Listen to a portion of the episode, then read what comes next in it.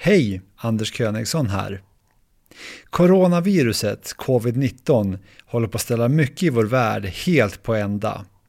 Runt om på vår jord, liksom i Sverige, frågar sig alla hur länge det här ska pågå och vad det här kommer att leda till. En sak är i alla fall säker, det påverkar oss på många olika sätt. Trygghetspodden som handlar om medborgarnas säkerhet och därmed trygghet kommer därför i en serie att ta upp en rad olika aspekter på coronaviruset och de följdverkningar det kommer att få. I det här första avsnittet tas själva sjukdomen och folkhälsan upp. Liksom vad som har gjort att det nu finns en oro att så många svenskar riskerar att dö av viruset. Jag har jobbat inom krisberedskapen så länge MSB har funnits och något år innan i krisberedskapsmyndigheten. Vid varje stor katastrof och händelse så har beredskapen kring just det området förbättrats. Det man skulle vilja det är ju faktiskt att se lite större, lite mer kring de här frågorna och för titta i samhället vilka behov kan komma så att vi inte alltid behöver agera reaktivt. Du lyssnar på Sveriges viktigaste podd, Trygghetspodden, med Anders Königsson. Jag heter Anders Signell och arbetar här på Folkhälsomyndigheten som statsepidemiolog och avdelningschef. Utifrån hur utvecklingen har varit i andra länder som i Kina, Sydkorea och Italien, hur bedömer Folkhälsomyndigheten att utvecklingen kommer att bli i Sverige under de kommande månaderna? Ja, vi har gjort en del prognoser nu som eh, utifrån de erfarenheterna och vi kommer ju precis som alla andra länder förstås att få en, en peak, en topp med ett stort antal fall även i Sverige. Allting annat vore ju väldigt underligt. När exakt det kommer att bli däremot är fortfarande väldigt oklart eftersom vi fortfarande har en ganska flack kurva i Sverige. Vi har inte sett någon dramatisk ökning här än som man ser i många andra länder. Hur många svenskar bedömer Folkhälsomyndigheten kommer att smittas av coronaviruset? Ja, smittas, eh, då måste man komma ihåg, de flesta som smittas kommer knappt att märka det. Allting talar för att eh, 80-90, kanske ännu fler procent av de som smittas kommer att ha väldigt lindriga symptom.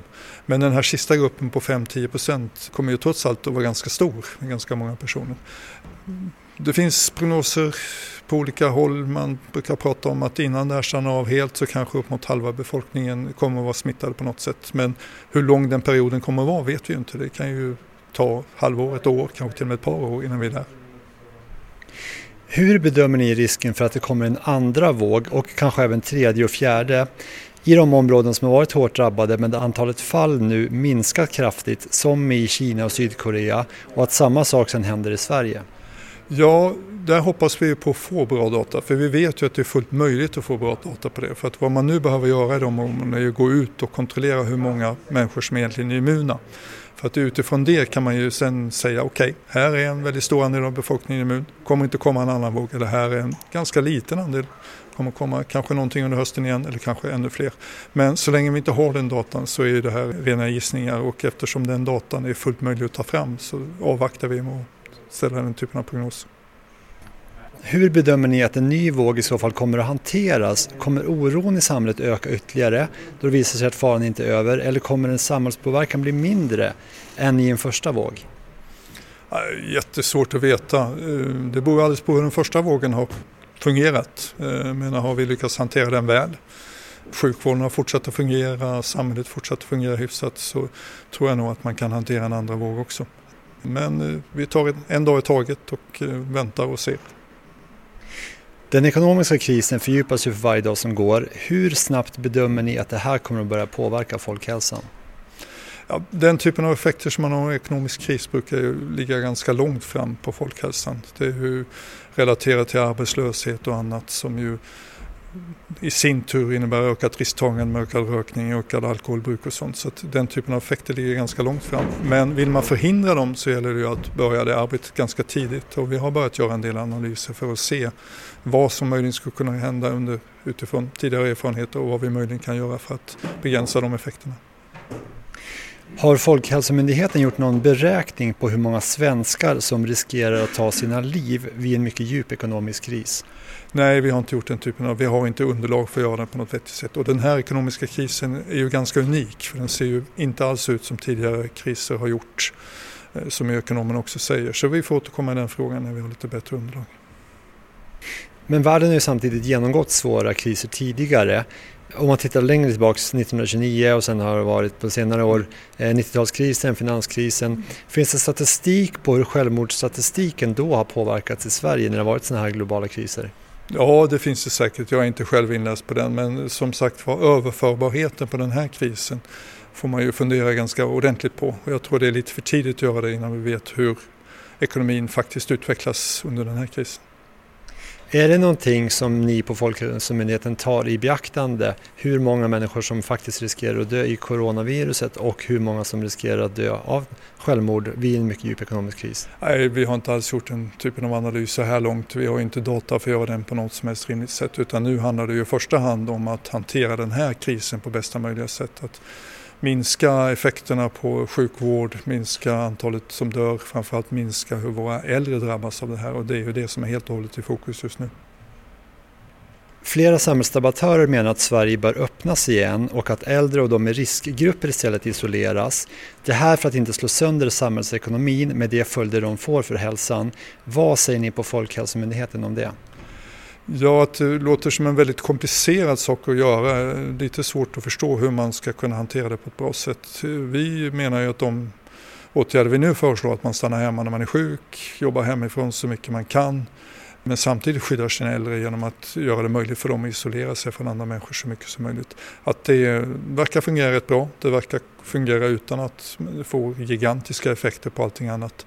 Och det är svårt att tro att man skulle kunna isolera de äldre bättre på något annat sätt utan att vi tar tvångsåtgärder som skulle få ganska stora effekter på folkhälsan på massa andra sätt. Har regeringen diskuterat med er på Folkhälsomyndigheten om att ta fram ett råd med både folkhälsoexperter och ekonomiska experter som gemensamt kan lägga fram rekommendationer om hur coronakrisen fortsatt ska hanteras för att bäst värna folkhälsan? Nej, jag är inte medveten om några sådana diskussioner. Vad tror du om att ha ett sådant råd där man kan fatta beslut åt båda håll när man säger både hälsoläget och det ekonomiska som i sin tur kan resultera i hälsoläget? Det måste den politiska nivån avgöra för det blir ju råd till dem i så fall eh, som kan bli aktuella och det är inte ingenting som vi blandar oss i. Taha Alexandersson är krisberedskapschef i Socialstyrelsen, Sveriges kunskapsmyndighet för vård och omsorg. Hon säger att Socialstyrelsen gör följande bedömning av hur hälso och sjukvården kan hantera en situation om väldigt många coronapatienter söker vård framöver. Vår bedömningar och den bedömning som vi gör om vårdens kapacitet bygger ju på vad vården själva rapporterar. Där följer vi ju läget i vården genom att samla in lägesanalyser och lägesbilder, deras egna bedömningar om var de har bristsituationer, vad de behöver förstärka. Just nu bedömer vi att alla arbetar med en ofantliga omställningar för att kunna möta just det stora behovet av, av vård som kan komma att behövas.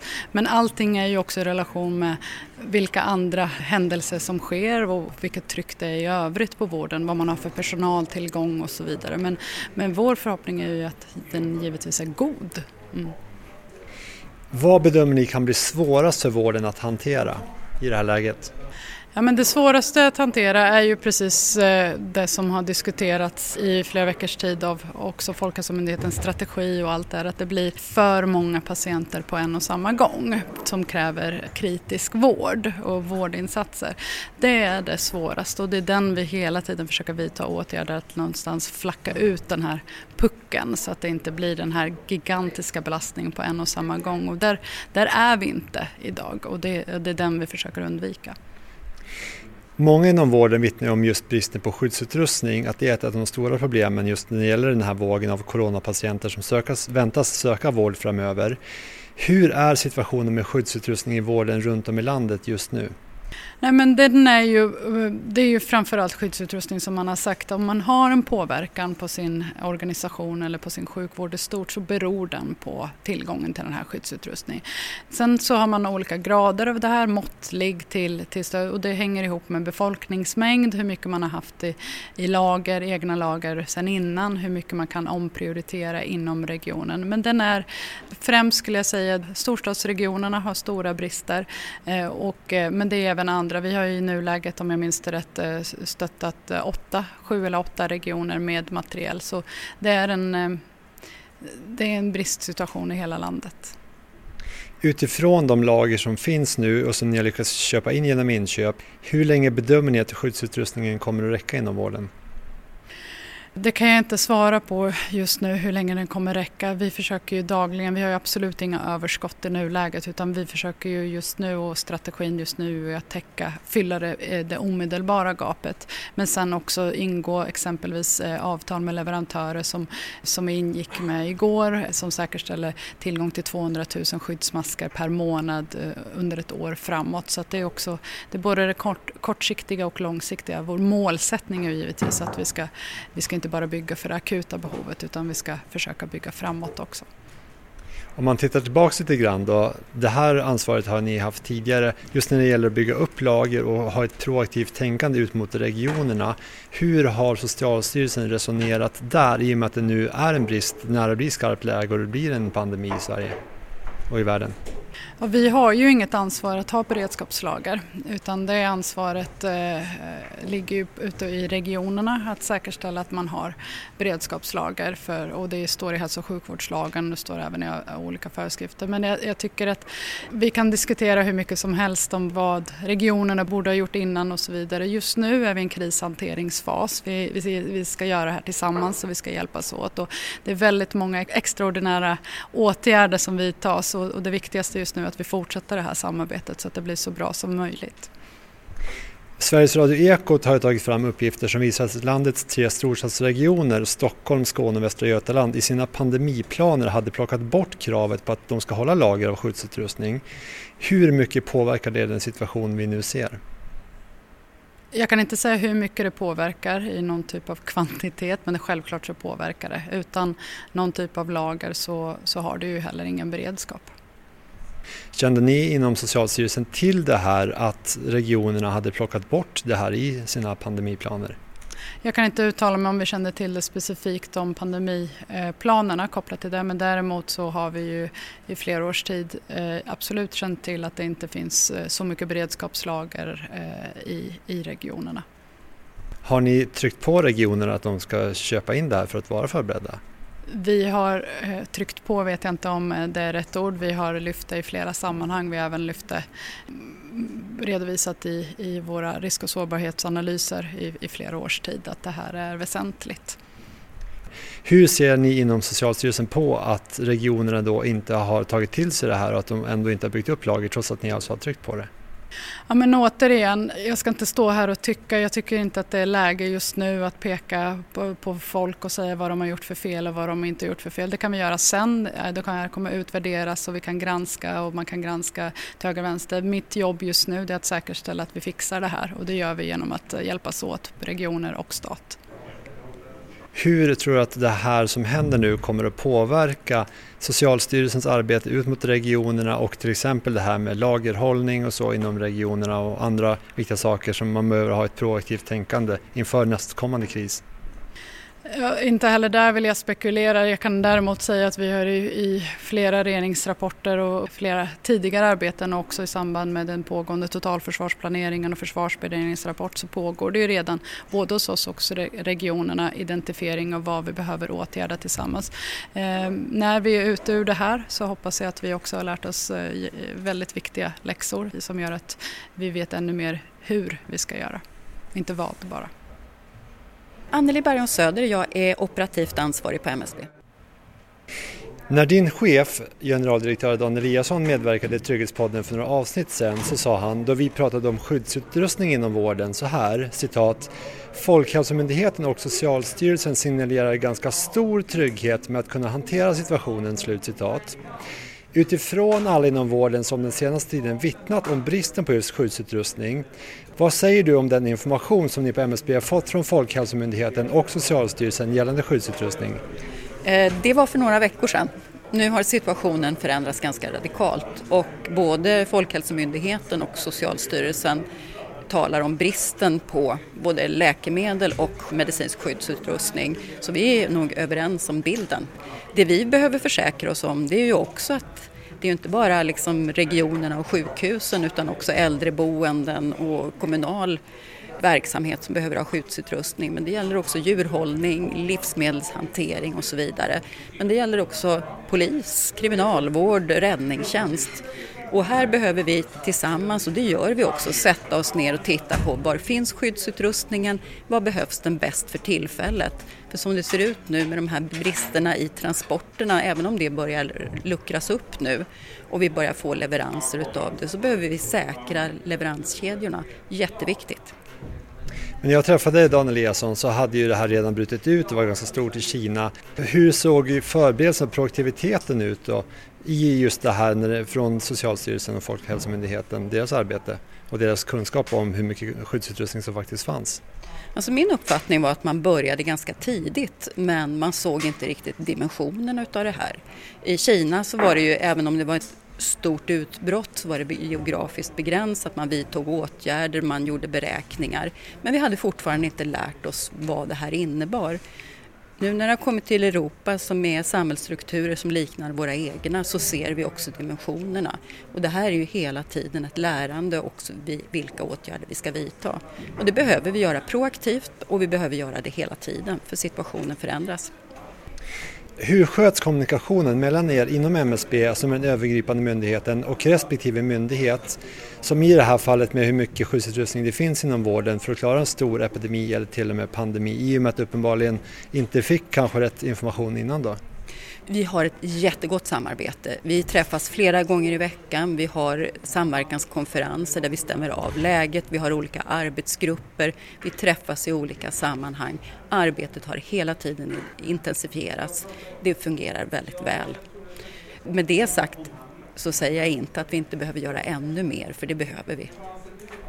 Dan Eliasson sa också att hälso och sjukvården inte är överdimensionerad när det gäller skyddsutrustning inom vården. Vilket ansvar har MSB som är den övergripande myndigheten att se till att det finns viktiga saker inom vården, till exempel skyddsutrustning? För ett antal år sedan, jag kommer inte ihåg exakt årtal, så övergick det ett antal miljoner från 2.4 till sjukvårdsområdet för att bygga sin beredskap. Så det är regionerna och Socialstyrelsen som har det övergripande ansvaret och inte MSB. Men ska inte ni vara en kommunikationslänk mellan regionerna och politikerna? Det är alltid en kommunikationslänk när det gäller krisberedskapen och därmed så tittar vi också på försörjningsdelar. Men här när det gäller eh, beredskapen för sjukvården så är det väldigt tydligt på regionerna och Socialstyrelsen. Många inom vården vittnar också om bristen på intensivvårdsplatser. Dagens Nyheters reporter Mikael Holmström skriver i en artikel att Sverige 1990 hade världens modernaste krigssjukvård med 50 fältsjukhus med ett flertal operationssalar och intensivvårdsplatser med respiratorer i varje. Men allt monterades ner och skänktes bort eller slängdes på soptippen. MSB är ju som sagt den övergripande myndigheten vid katastrofer och kriser. Vilket ansvar har MSB att säkerställa att det finns till exempel intensivvårdsplatser i samhället? Det är Socialstyrelsen tillsammans med regionerna som har ett väldigt tydligt ansvar. Däremot så finansierar vi en del kring 2.4-anslaget eh, som vi säger. Det är alltså, Vad är 2.4-anslaget? Det är alltså ett särskilt anslag där man kan begära pengar ifrån oss, där man har idéer kring hur man ska förbättra beredskapen, krishanteringsberedskapen. Där har vi bland annat, som jag kommer på på rak arm, finansierat någon typ av fältshusjuppbyggnad för eh, under ett antal år. Jag tror att det har pågått under tre år ungefär nu. Det finns möjligheter för Socialstyrelsen och regionen att komma in med önskemål och om hur man ska hantera just de pengarna. I Italien vittnar vårdpersonal om att de tvingas välja bort coronapatienter och att de dör på grund av just respiratorer som är livsuppehållande. Hur ser du inom då ditt arbete på MSB att Sverige alltså haft ett stort antal sådana här intensivvårdsplatser med respiratorer och så vidare men att de skänktes bort eller slängdes?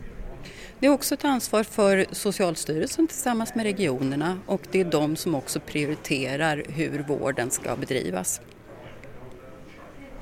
Hur tror du att lagerhållning av mediciner, skyddsutrustning, intensivvårdsplatser och så vidare i samhället kommer att förändras efter den här coronaepidemin? Jag har jobbat inom krisberedskapen så länge MSB har funnits och något år innan i Krisberedskapsmyndigheten. Vid varje stor katastrof och händelse så har beredskapen kring just det området förbättrats.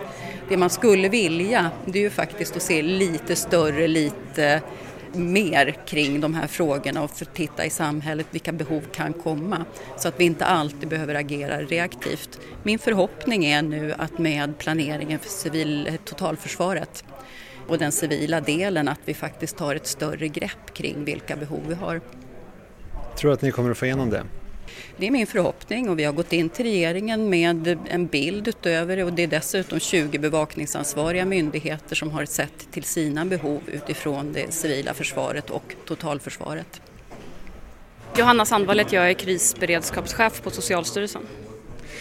När jag pratade med MSBs företrädare om det här med antalet intensivvårdsplatser och de planerna som har funnits för det här så sa hon att det här ligger ju på Socialstyrelsens bord. Och eh, i början av 90-talet fanns det ett 50-tal fältsjukhus med ett stort antal intensivvårdsplatser och respiratorer och så. Men efter det kalla kriget skänktes det här bort eller slängdes på soptippen. Hur har ni på Socialstyrelsen planerat på sikt om det skulle uppstå en kris lik den vi nu ser? För det första är det regionernas ansvar att säkra vården för sina medborgare även i en krissituation. De fältsjukhus som du refererar till från tidigare, det var ju Försvarsmaktens försorg. De fältsjukhus som finns kvar, det är de som Socialstyrelsen nu har beslutat om vart de ska placeras för att möta behovet på bästa sätt. Sen så i den nya totalförsvarsplaneringen, eh, som är den du efterfrågar, där får man ju titta på behoven av nationella förstärkningsresurser igen. Försvarsmakten gör det, vi gör det. Ska det vara regionalt eller nationellt och hur ska det där fungera? Men här och nu så är det så, det är samma sak med beredskapslager. Det har också gått åt fel håll. Man förlitar sig alldeles för mycket på just in time och, och transportprodukter som finns på väg hela tiden och det funkar inte riktigt så i krissituationer. Det är regionernas ansvar säger du, men har ni från Socialstyrelsen något övergripande ansvar när det gäller regionernas planering i den här frågan? Ja, vi har påpekat under, jag tror att det var en annan journalist som påminner mig att det var åtminstone sedan 2009 kring frågan om robusthet, beredskapslager, ha en, en utökad robusthet, teckna robusta avtal och så vidare. Det finns en massa delar i det där så att vi påpekar, vi är inte tillsynsmyndighet dock, men eh, för oss som jobbar med beredskap så är det ingen nyhet att kritiska beroenden, transporter, lager är otroligt viktiga parametrar. Har regionerna ignorerat det här? Jag tror att det ser olika ut över landet. Eh, man har lite olika förutsättningar men helt klart är att vi står i en situation där det faktiskt inte finns och fanns inte heller när vi började med det här för, för ett antal månader sedan jobba med den här frågan. Så att här är det just den här frågan så är det i alla fall uppenbart att de inte har haft några beredskapslager. Hur ser ni på Socialstyrelsen på det här, att de inte har byggt upp de här lagren? Nej men vi tycker att det är dåligt och det har vi varit tydliga med. Däremot så vill jag säga att här och nu så handlar det om att lösa en situation. Då hjälps vi åt. Vi har fått uppdrag på nationell nivå. Vi jobbar jättefint tillsammans med regionerna för att försöka lösa situationen. Och tiden för när vi reder ut vem som hade ansvar för vad och shame och blame det får vi ta efteråt. Allt fokus på att lösa situationen. Om man tittar framåt då, hur kommer Socialstyrelsen agera i sin kommunikation med regionerna i det här med både intensivvårdsplatser med skyddsutrustning, sådana saker som man nu ser alltså inte har byggts upp?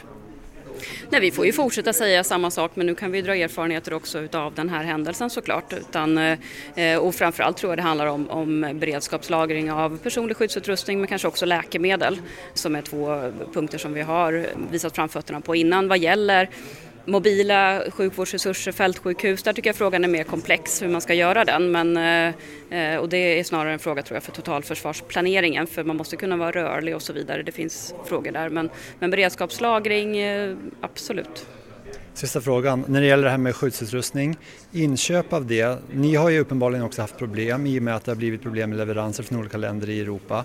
Hur tror du att det framöver kommer att bli? Kommer det vara ett större krav på att det finns en nationell möjlighet att tillverka det här och att leverera det till regionerna runt om i landet? I ett regeringsuppdrag som eh, Socialstyrelsen fick i, förra måndagen, för en vecka sedan, så står det just att, att verka för inhemsk produktion för att kunna säkra och det var ju till följd av att vi såg exportförbud, stängda gränser och så vidare. Nu verkar ju det det har liksom lösts upp lite grann inom EU i alla fall, men eh, och huruvida man vill fortsätta med att vi ska faktiskt ha egen produktion utav olika delar, det ligger utanför för mitt eh, mandat, utan jag är mest intresserad av att få tag på utrustning här och nu, vart den kommer ifrån spelar mig inte så stor roll. Du har hört ett avsnitt av Trygghetspodden. Fler avsnitt finns på trygghetspodden.se.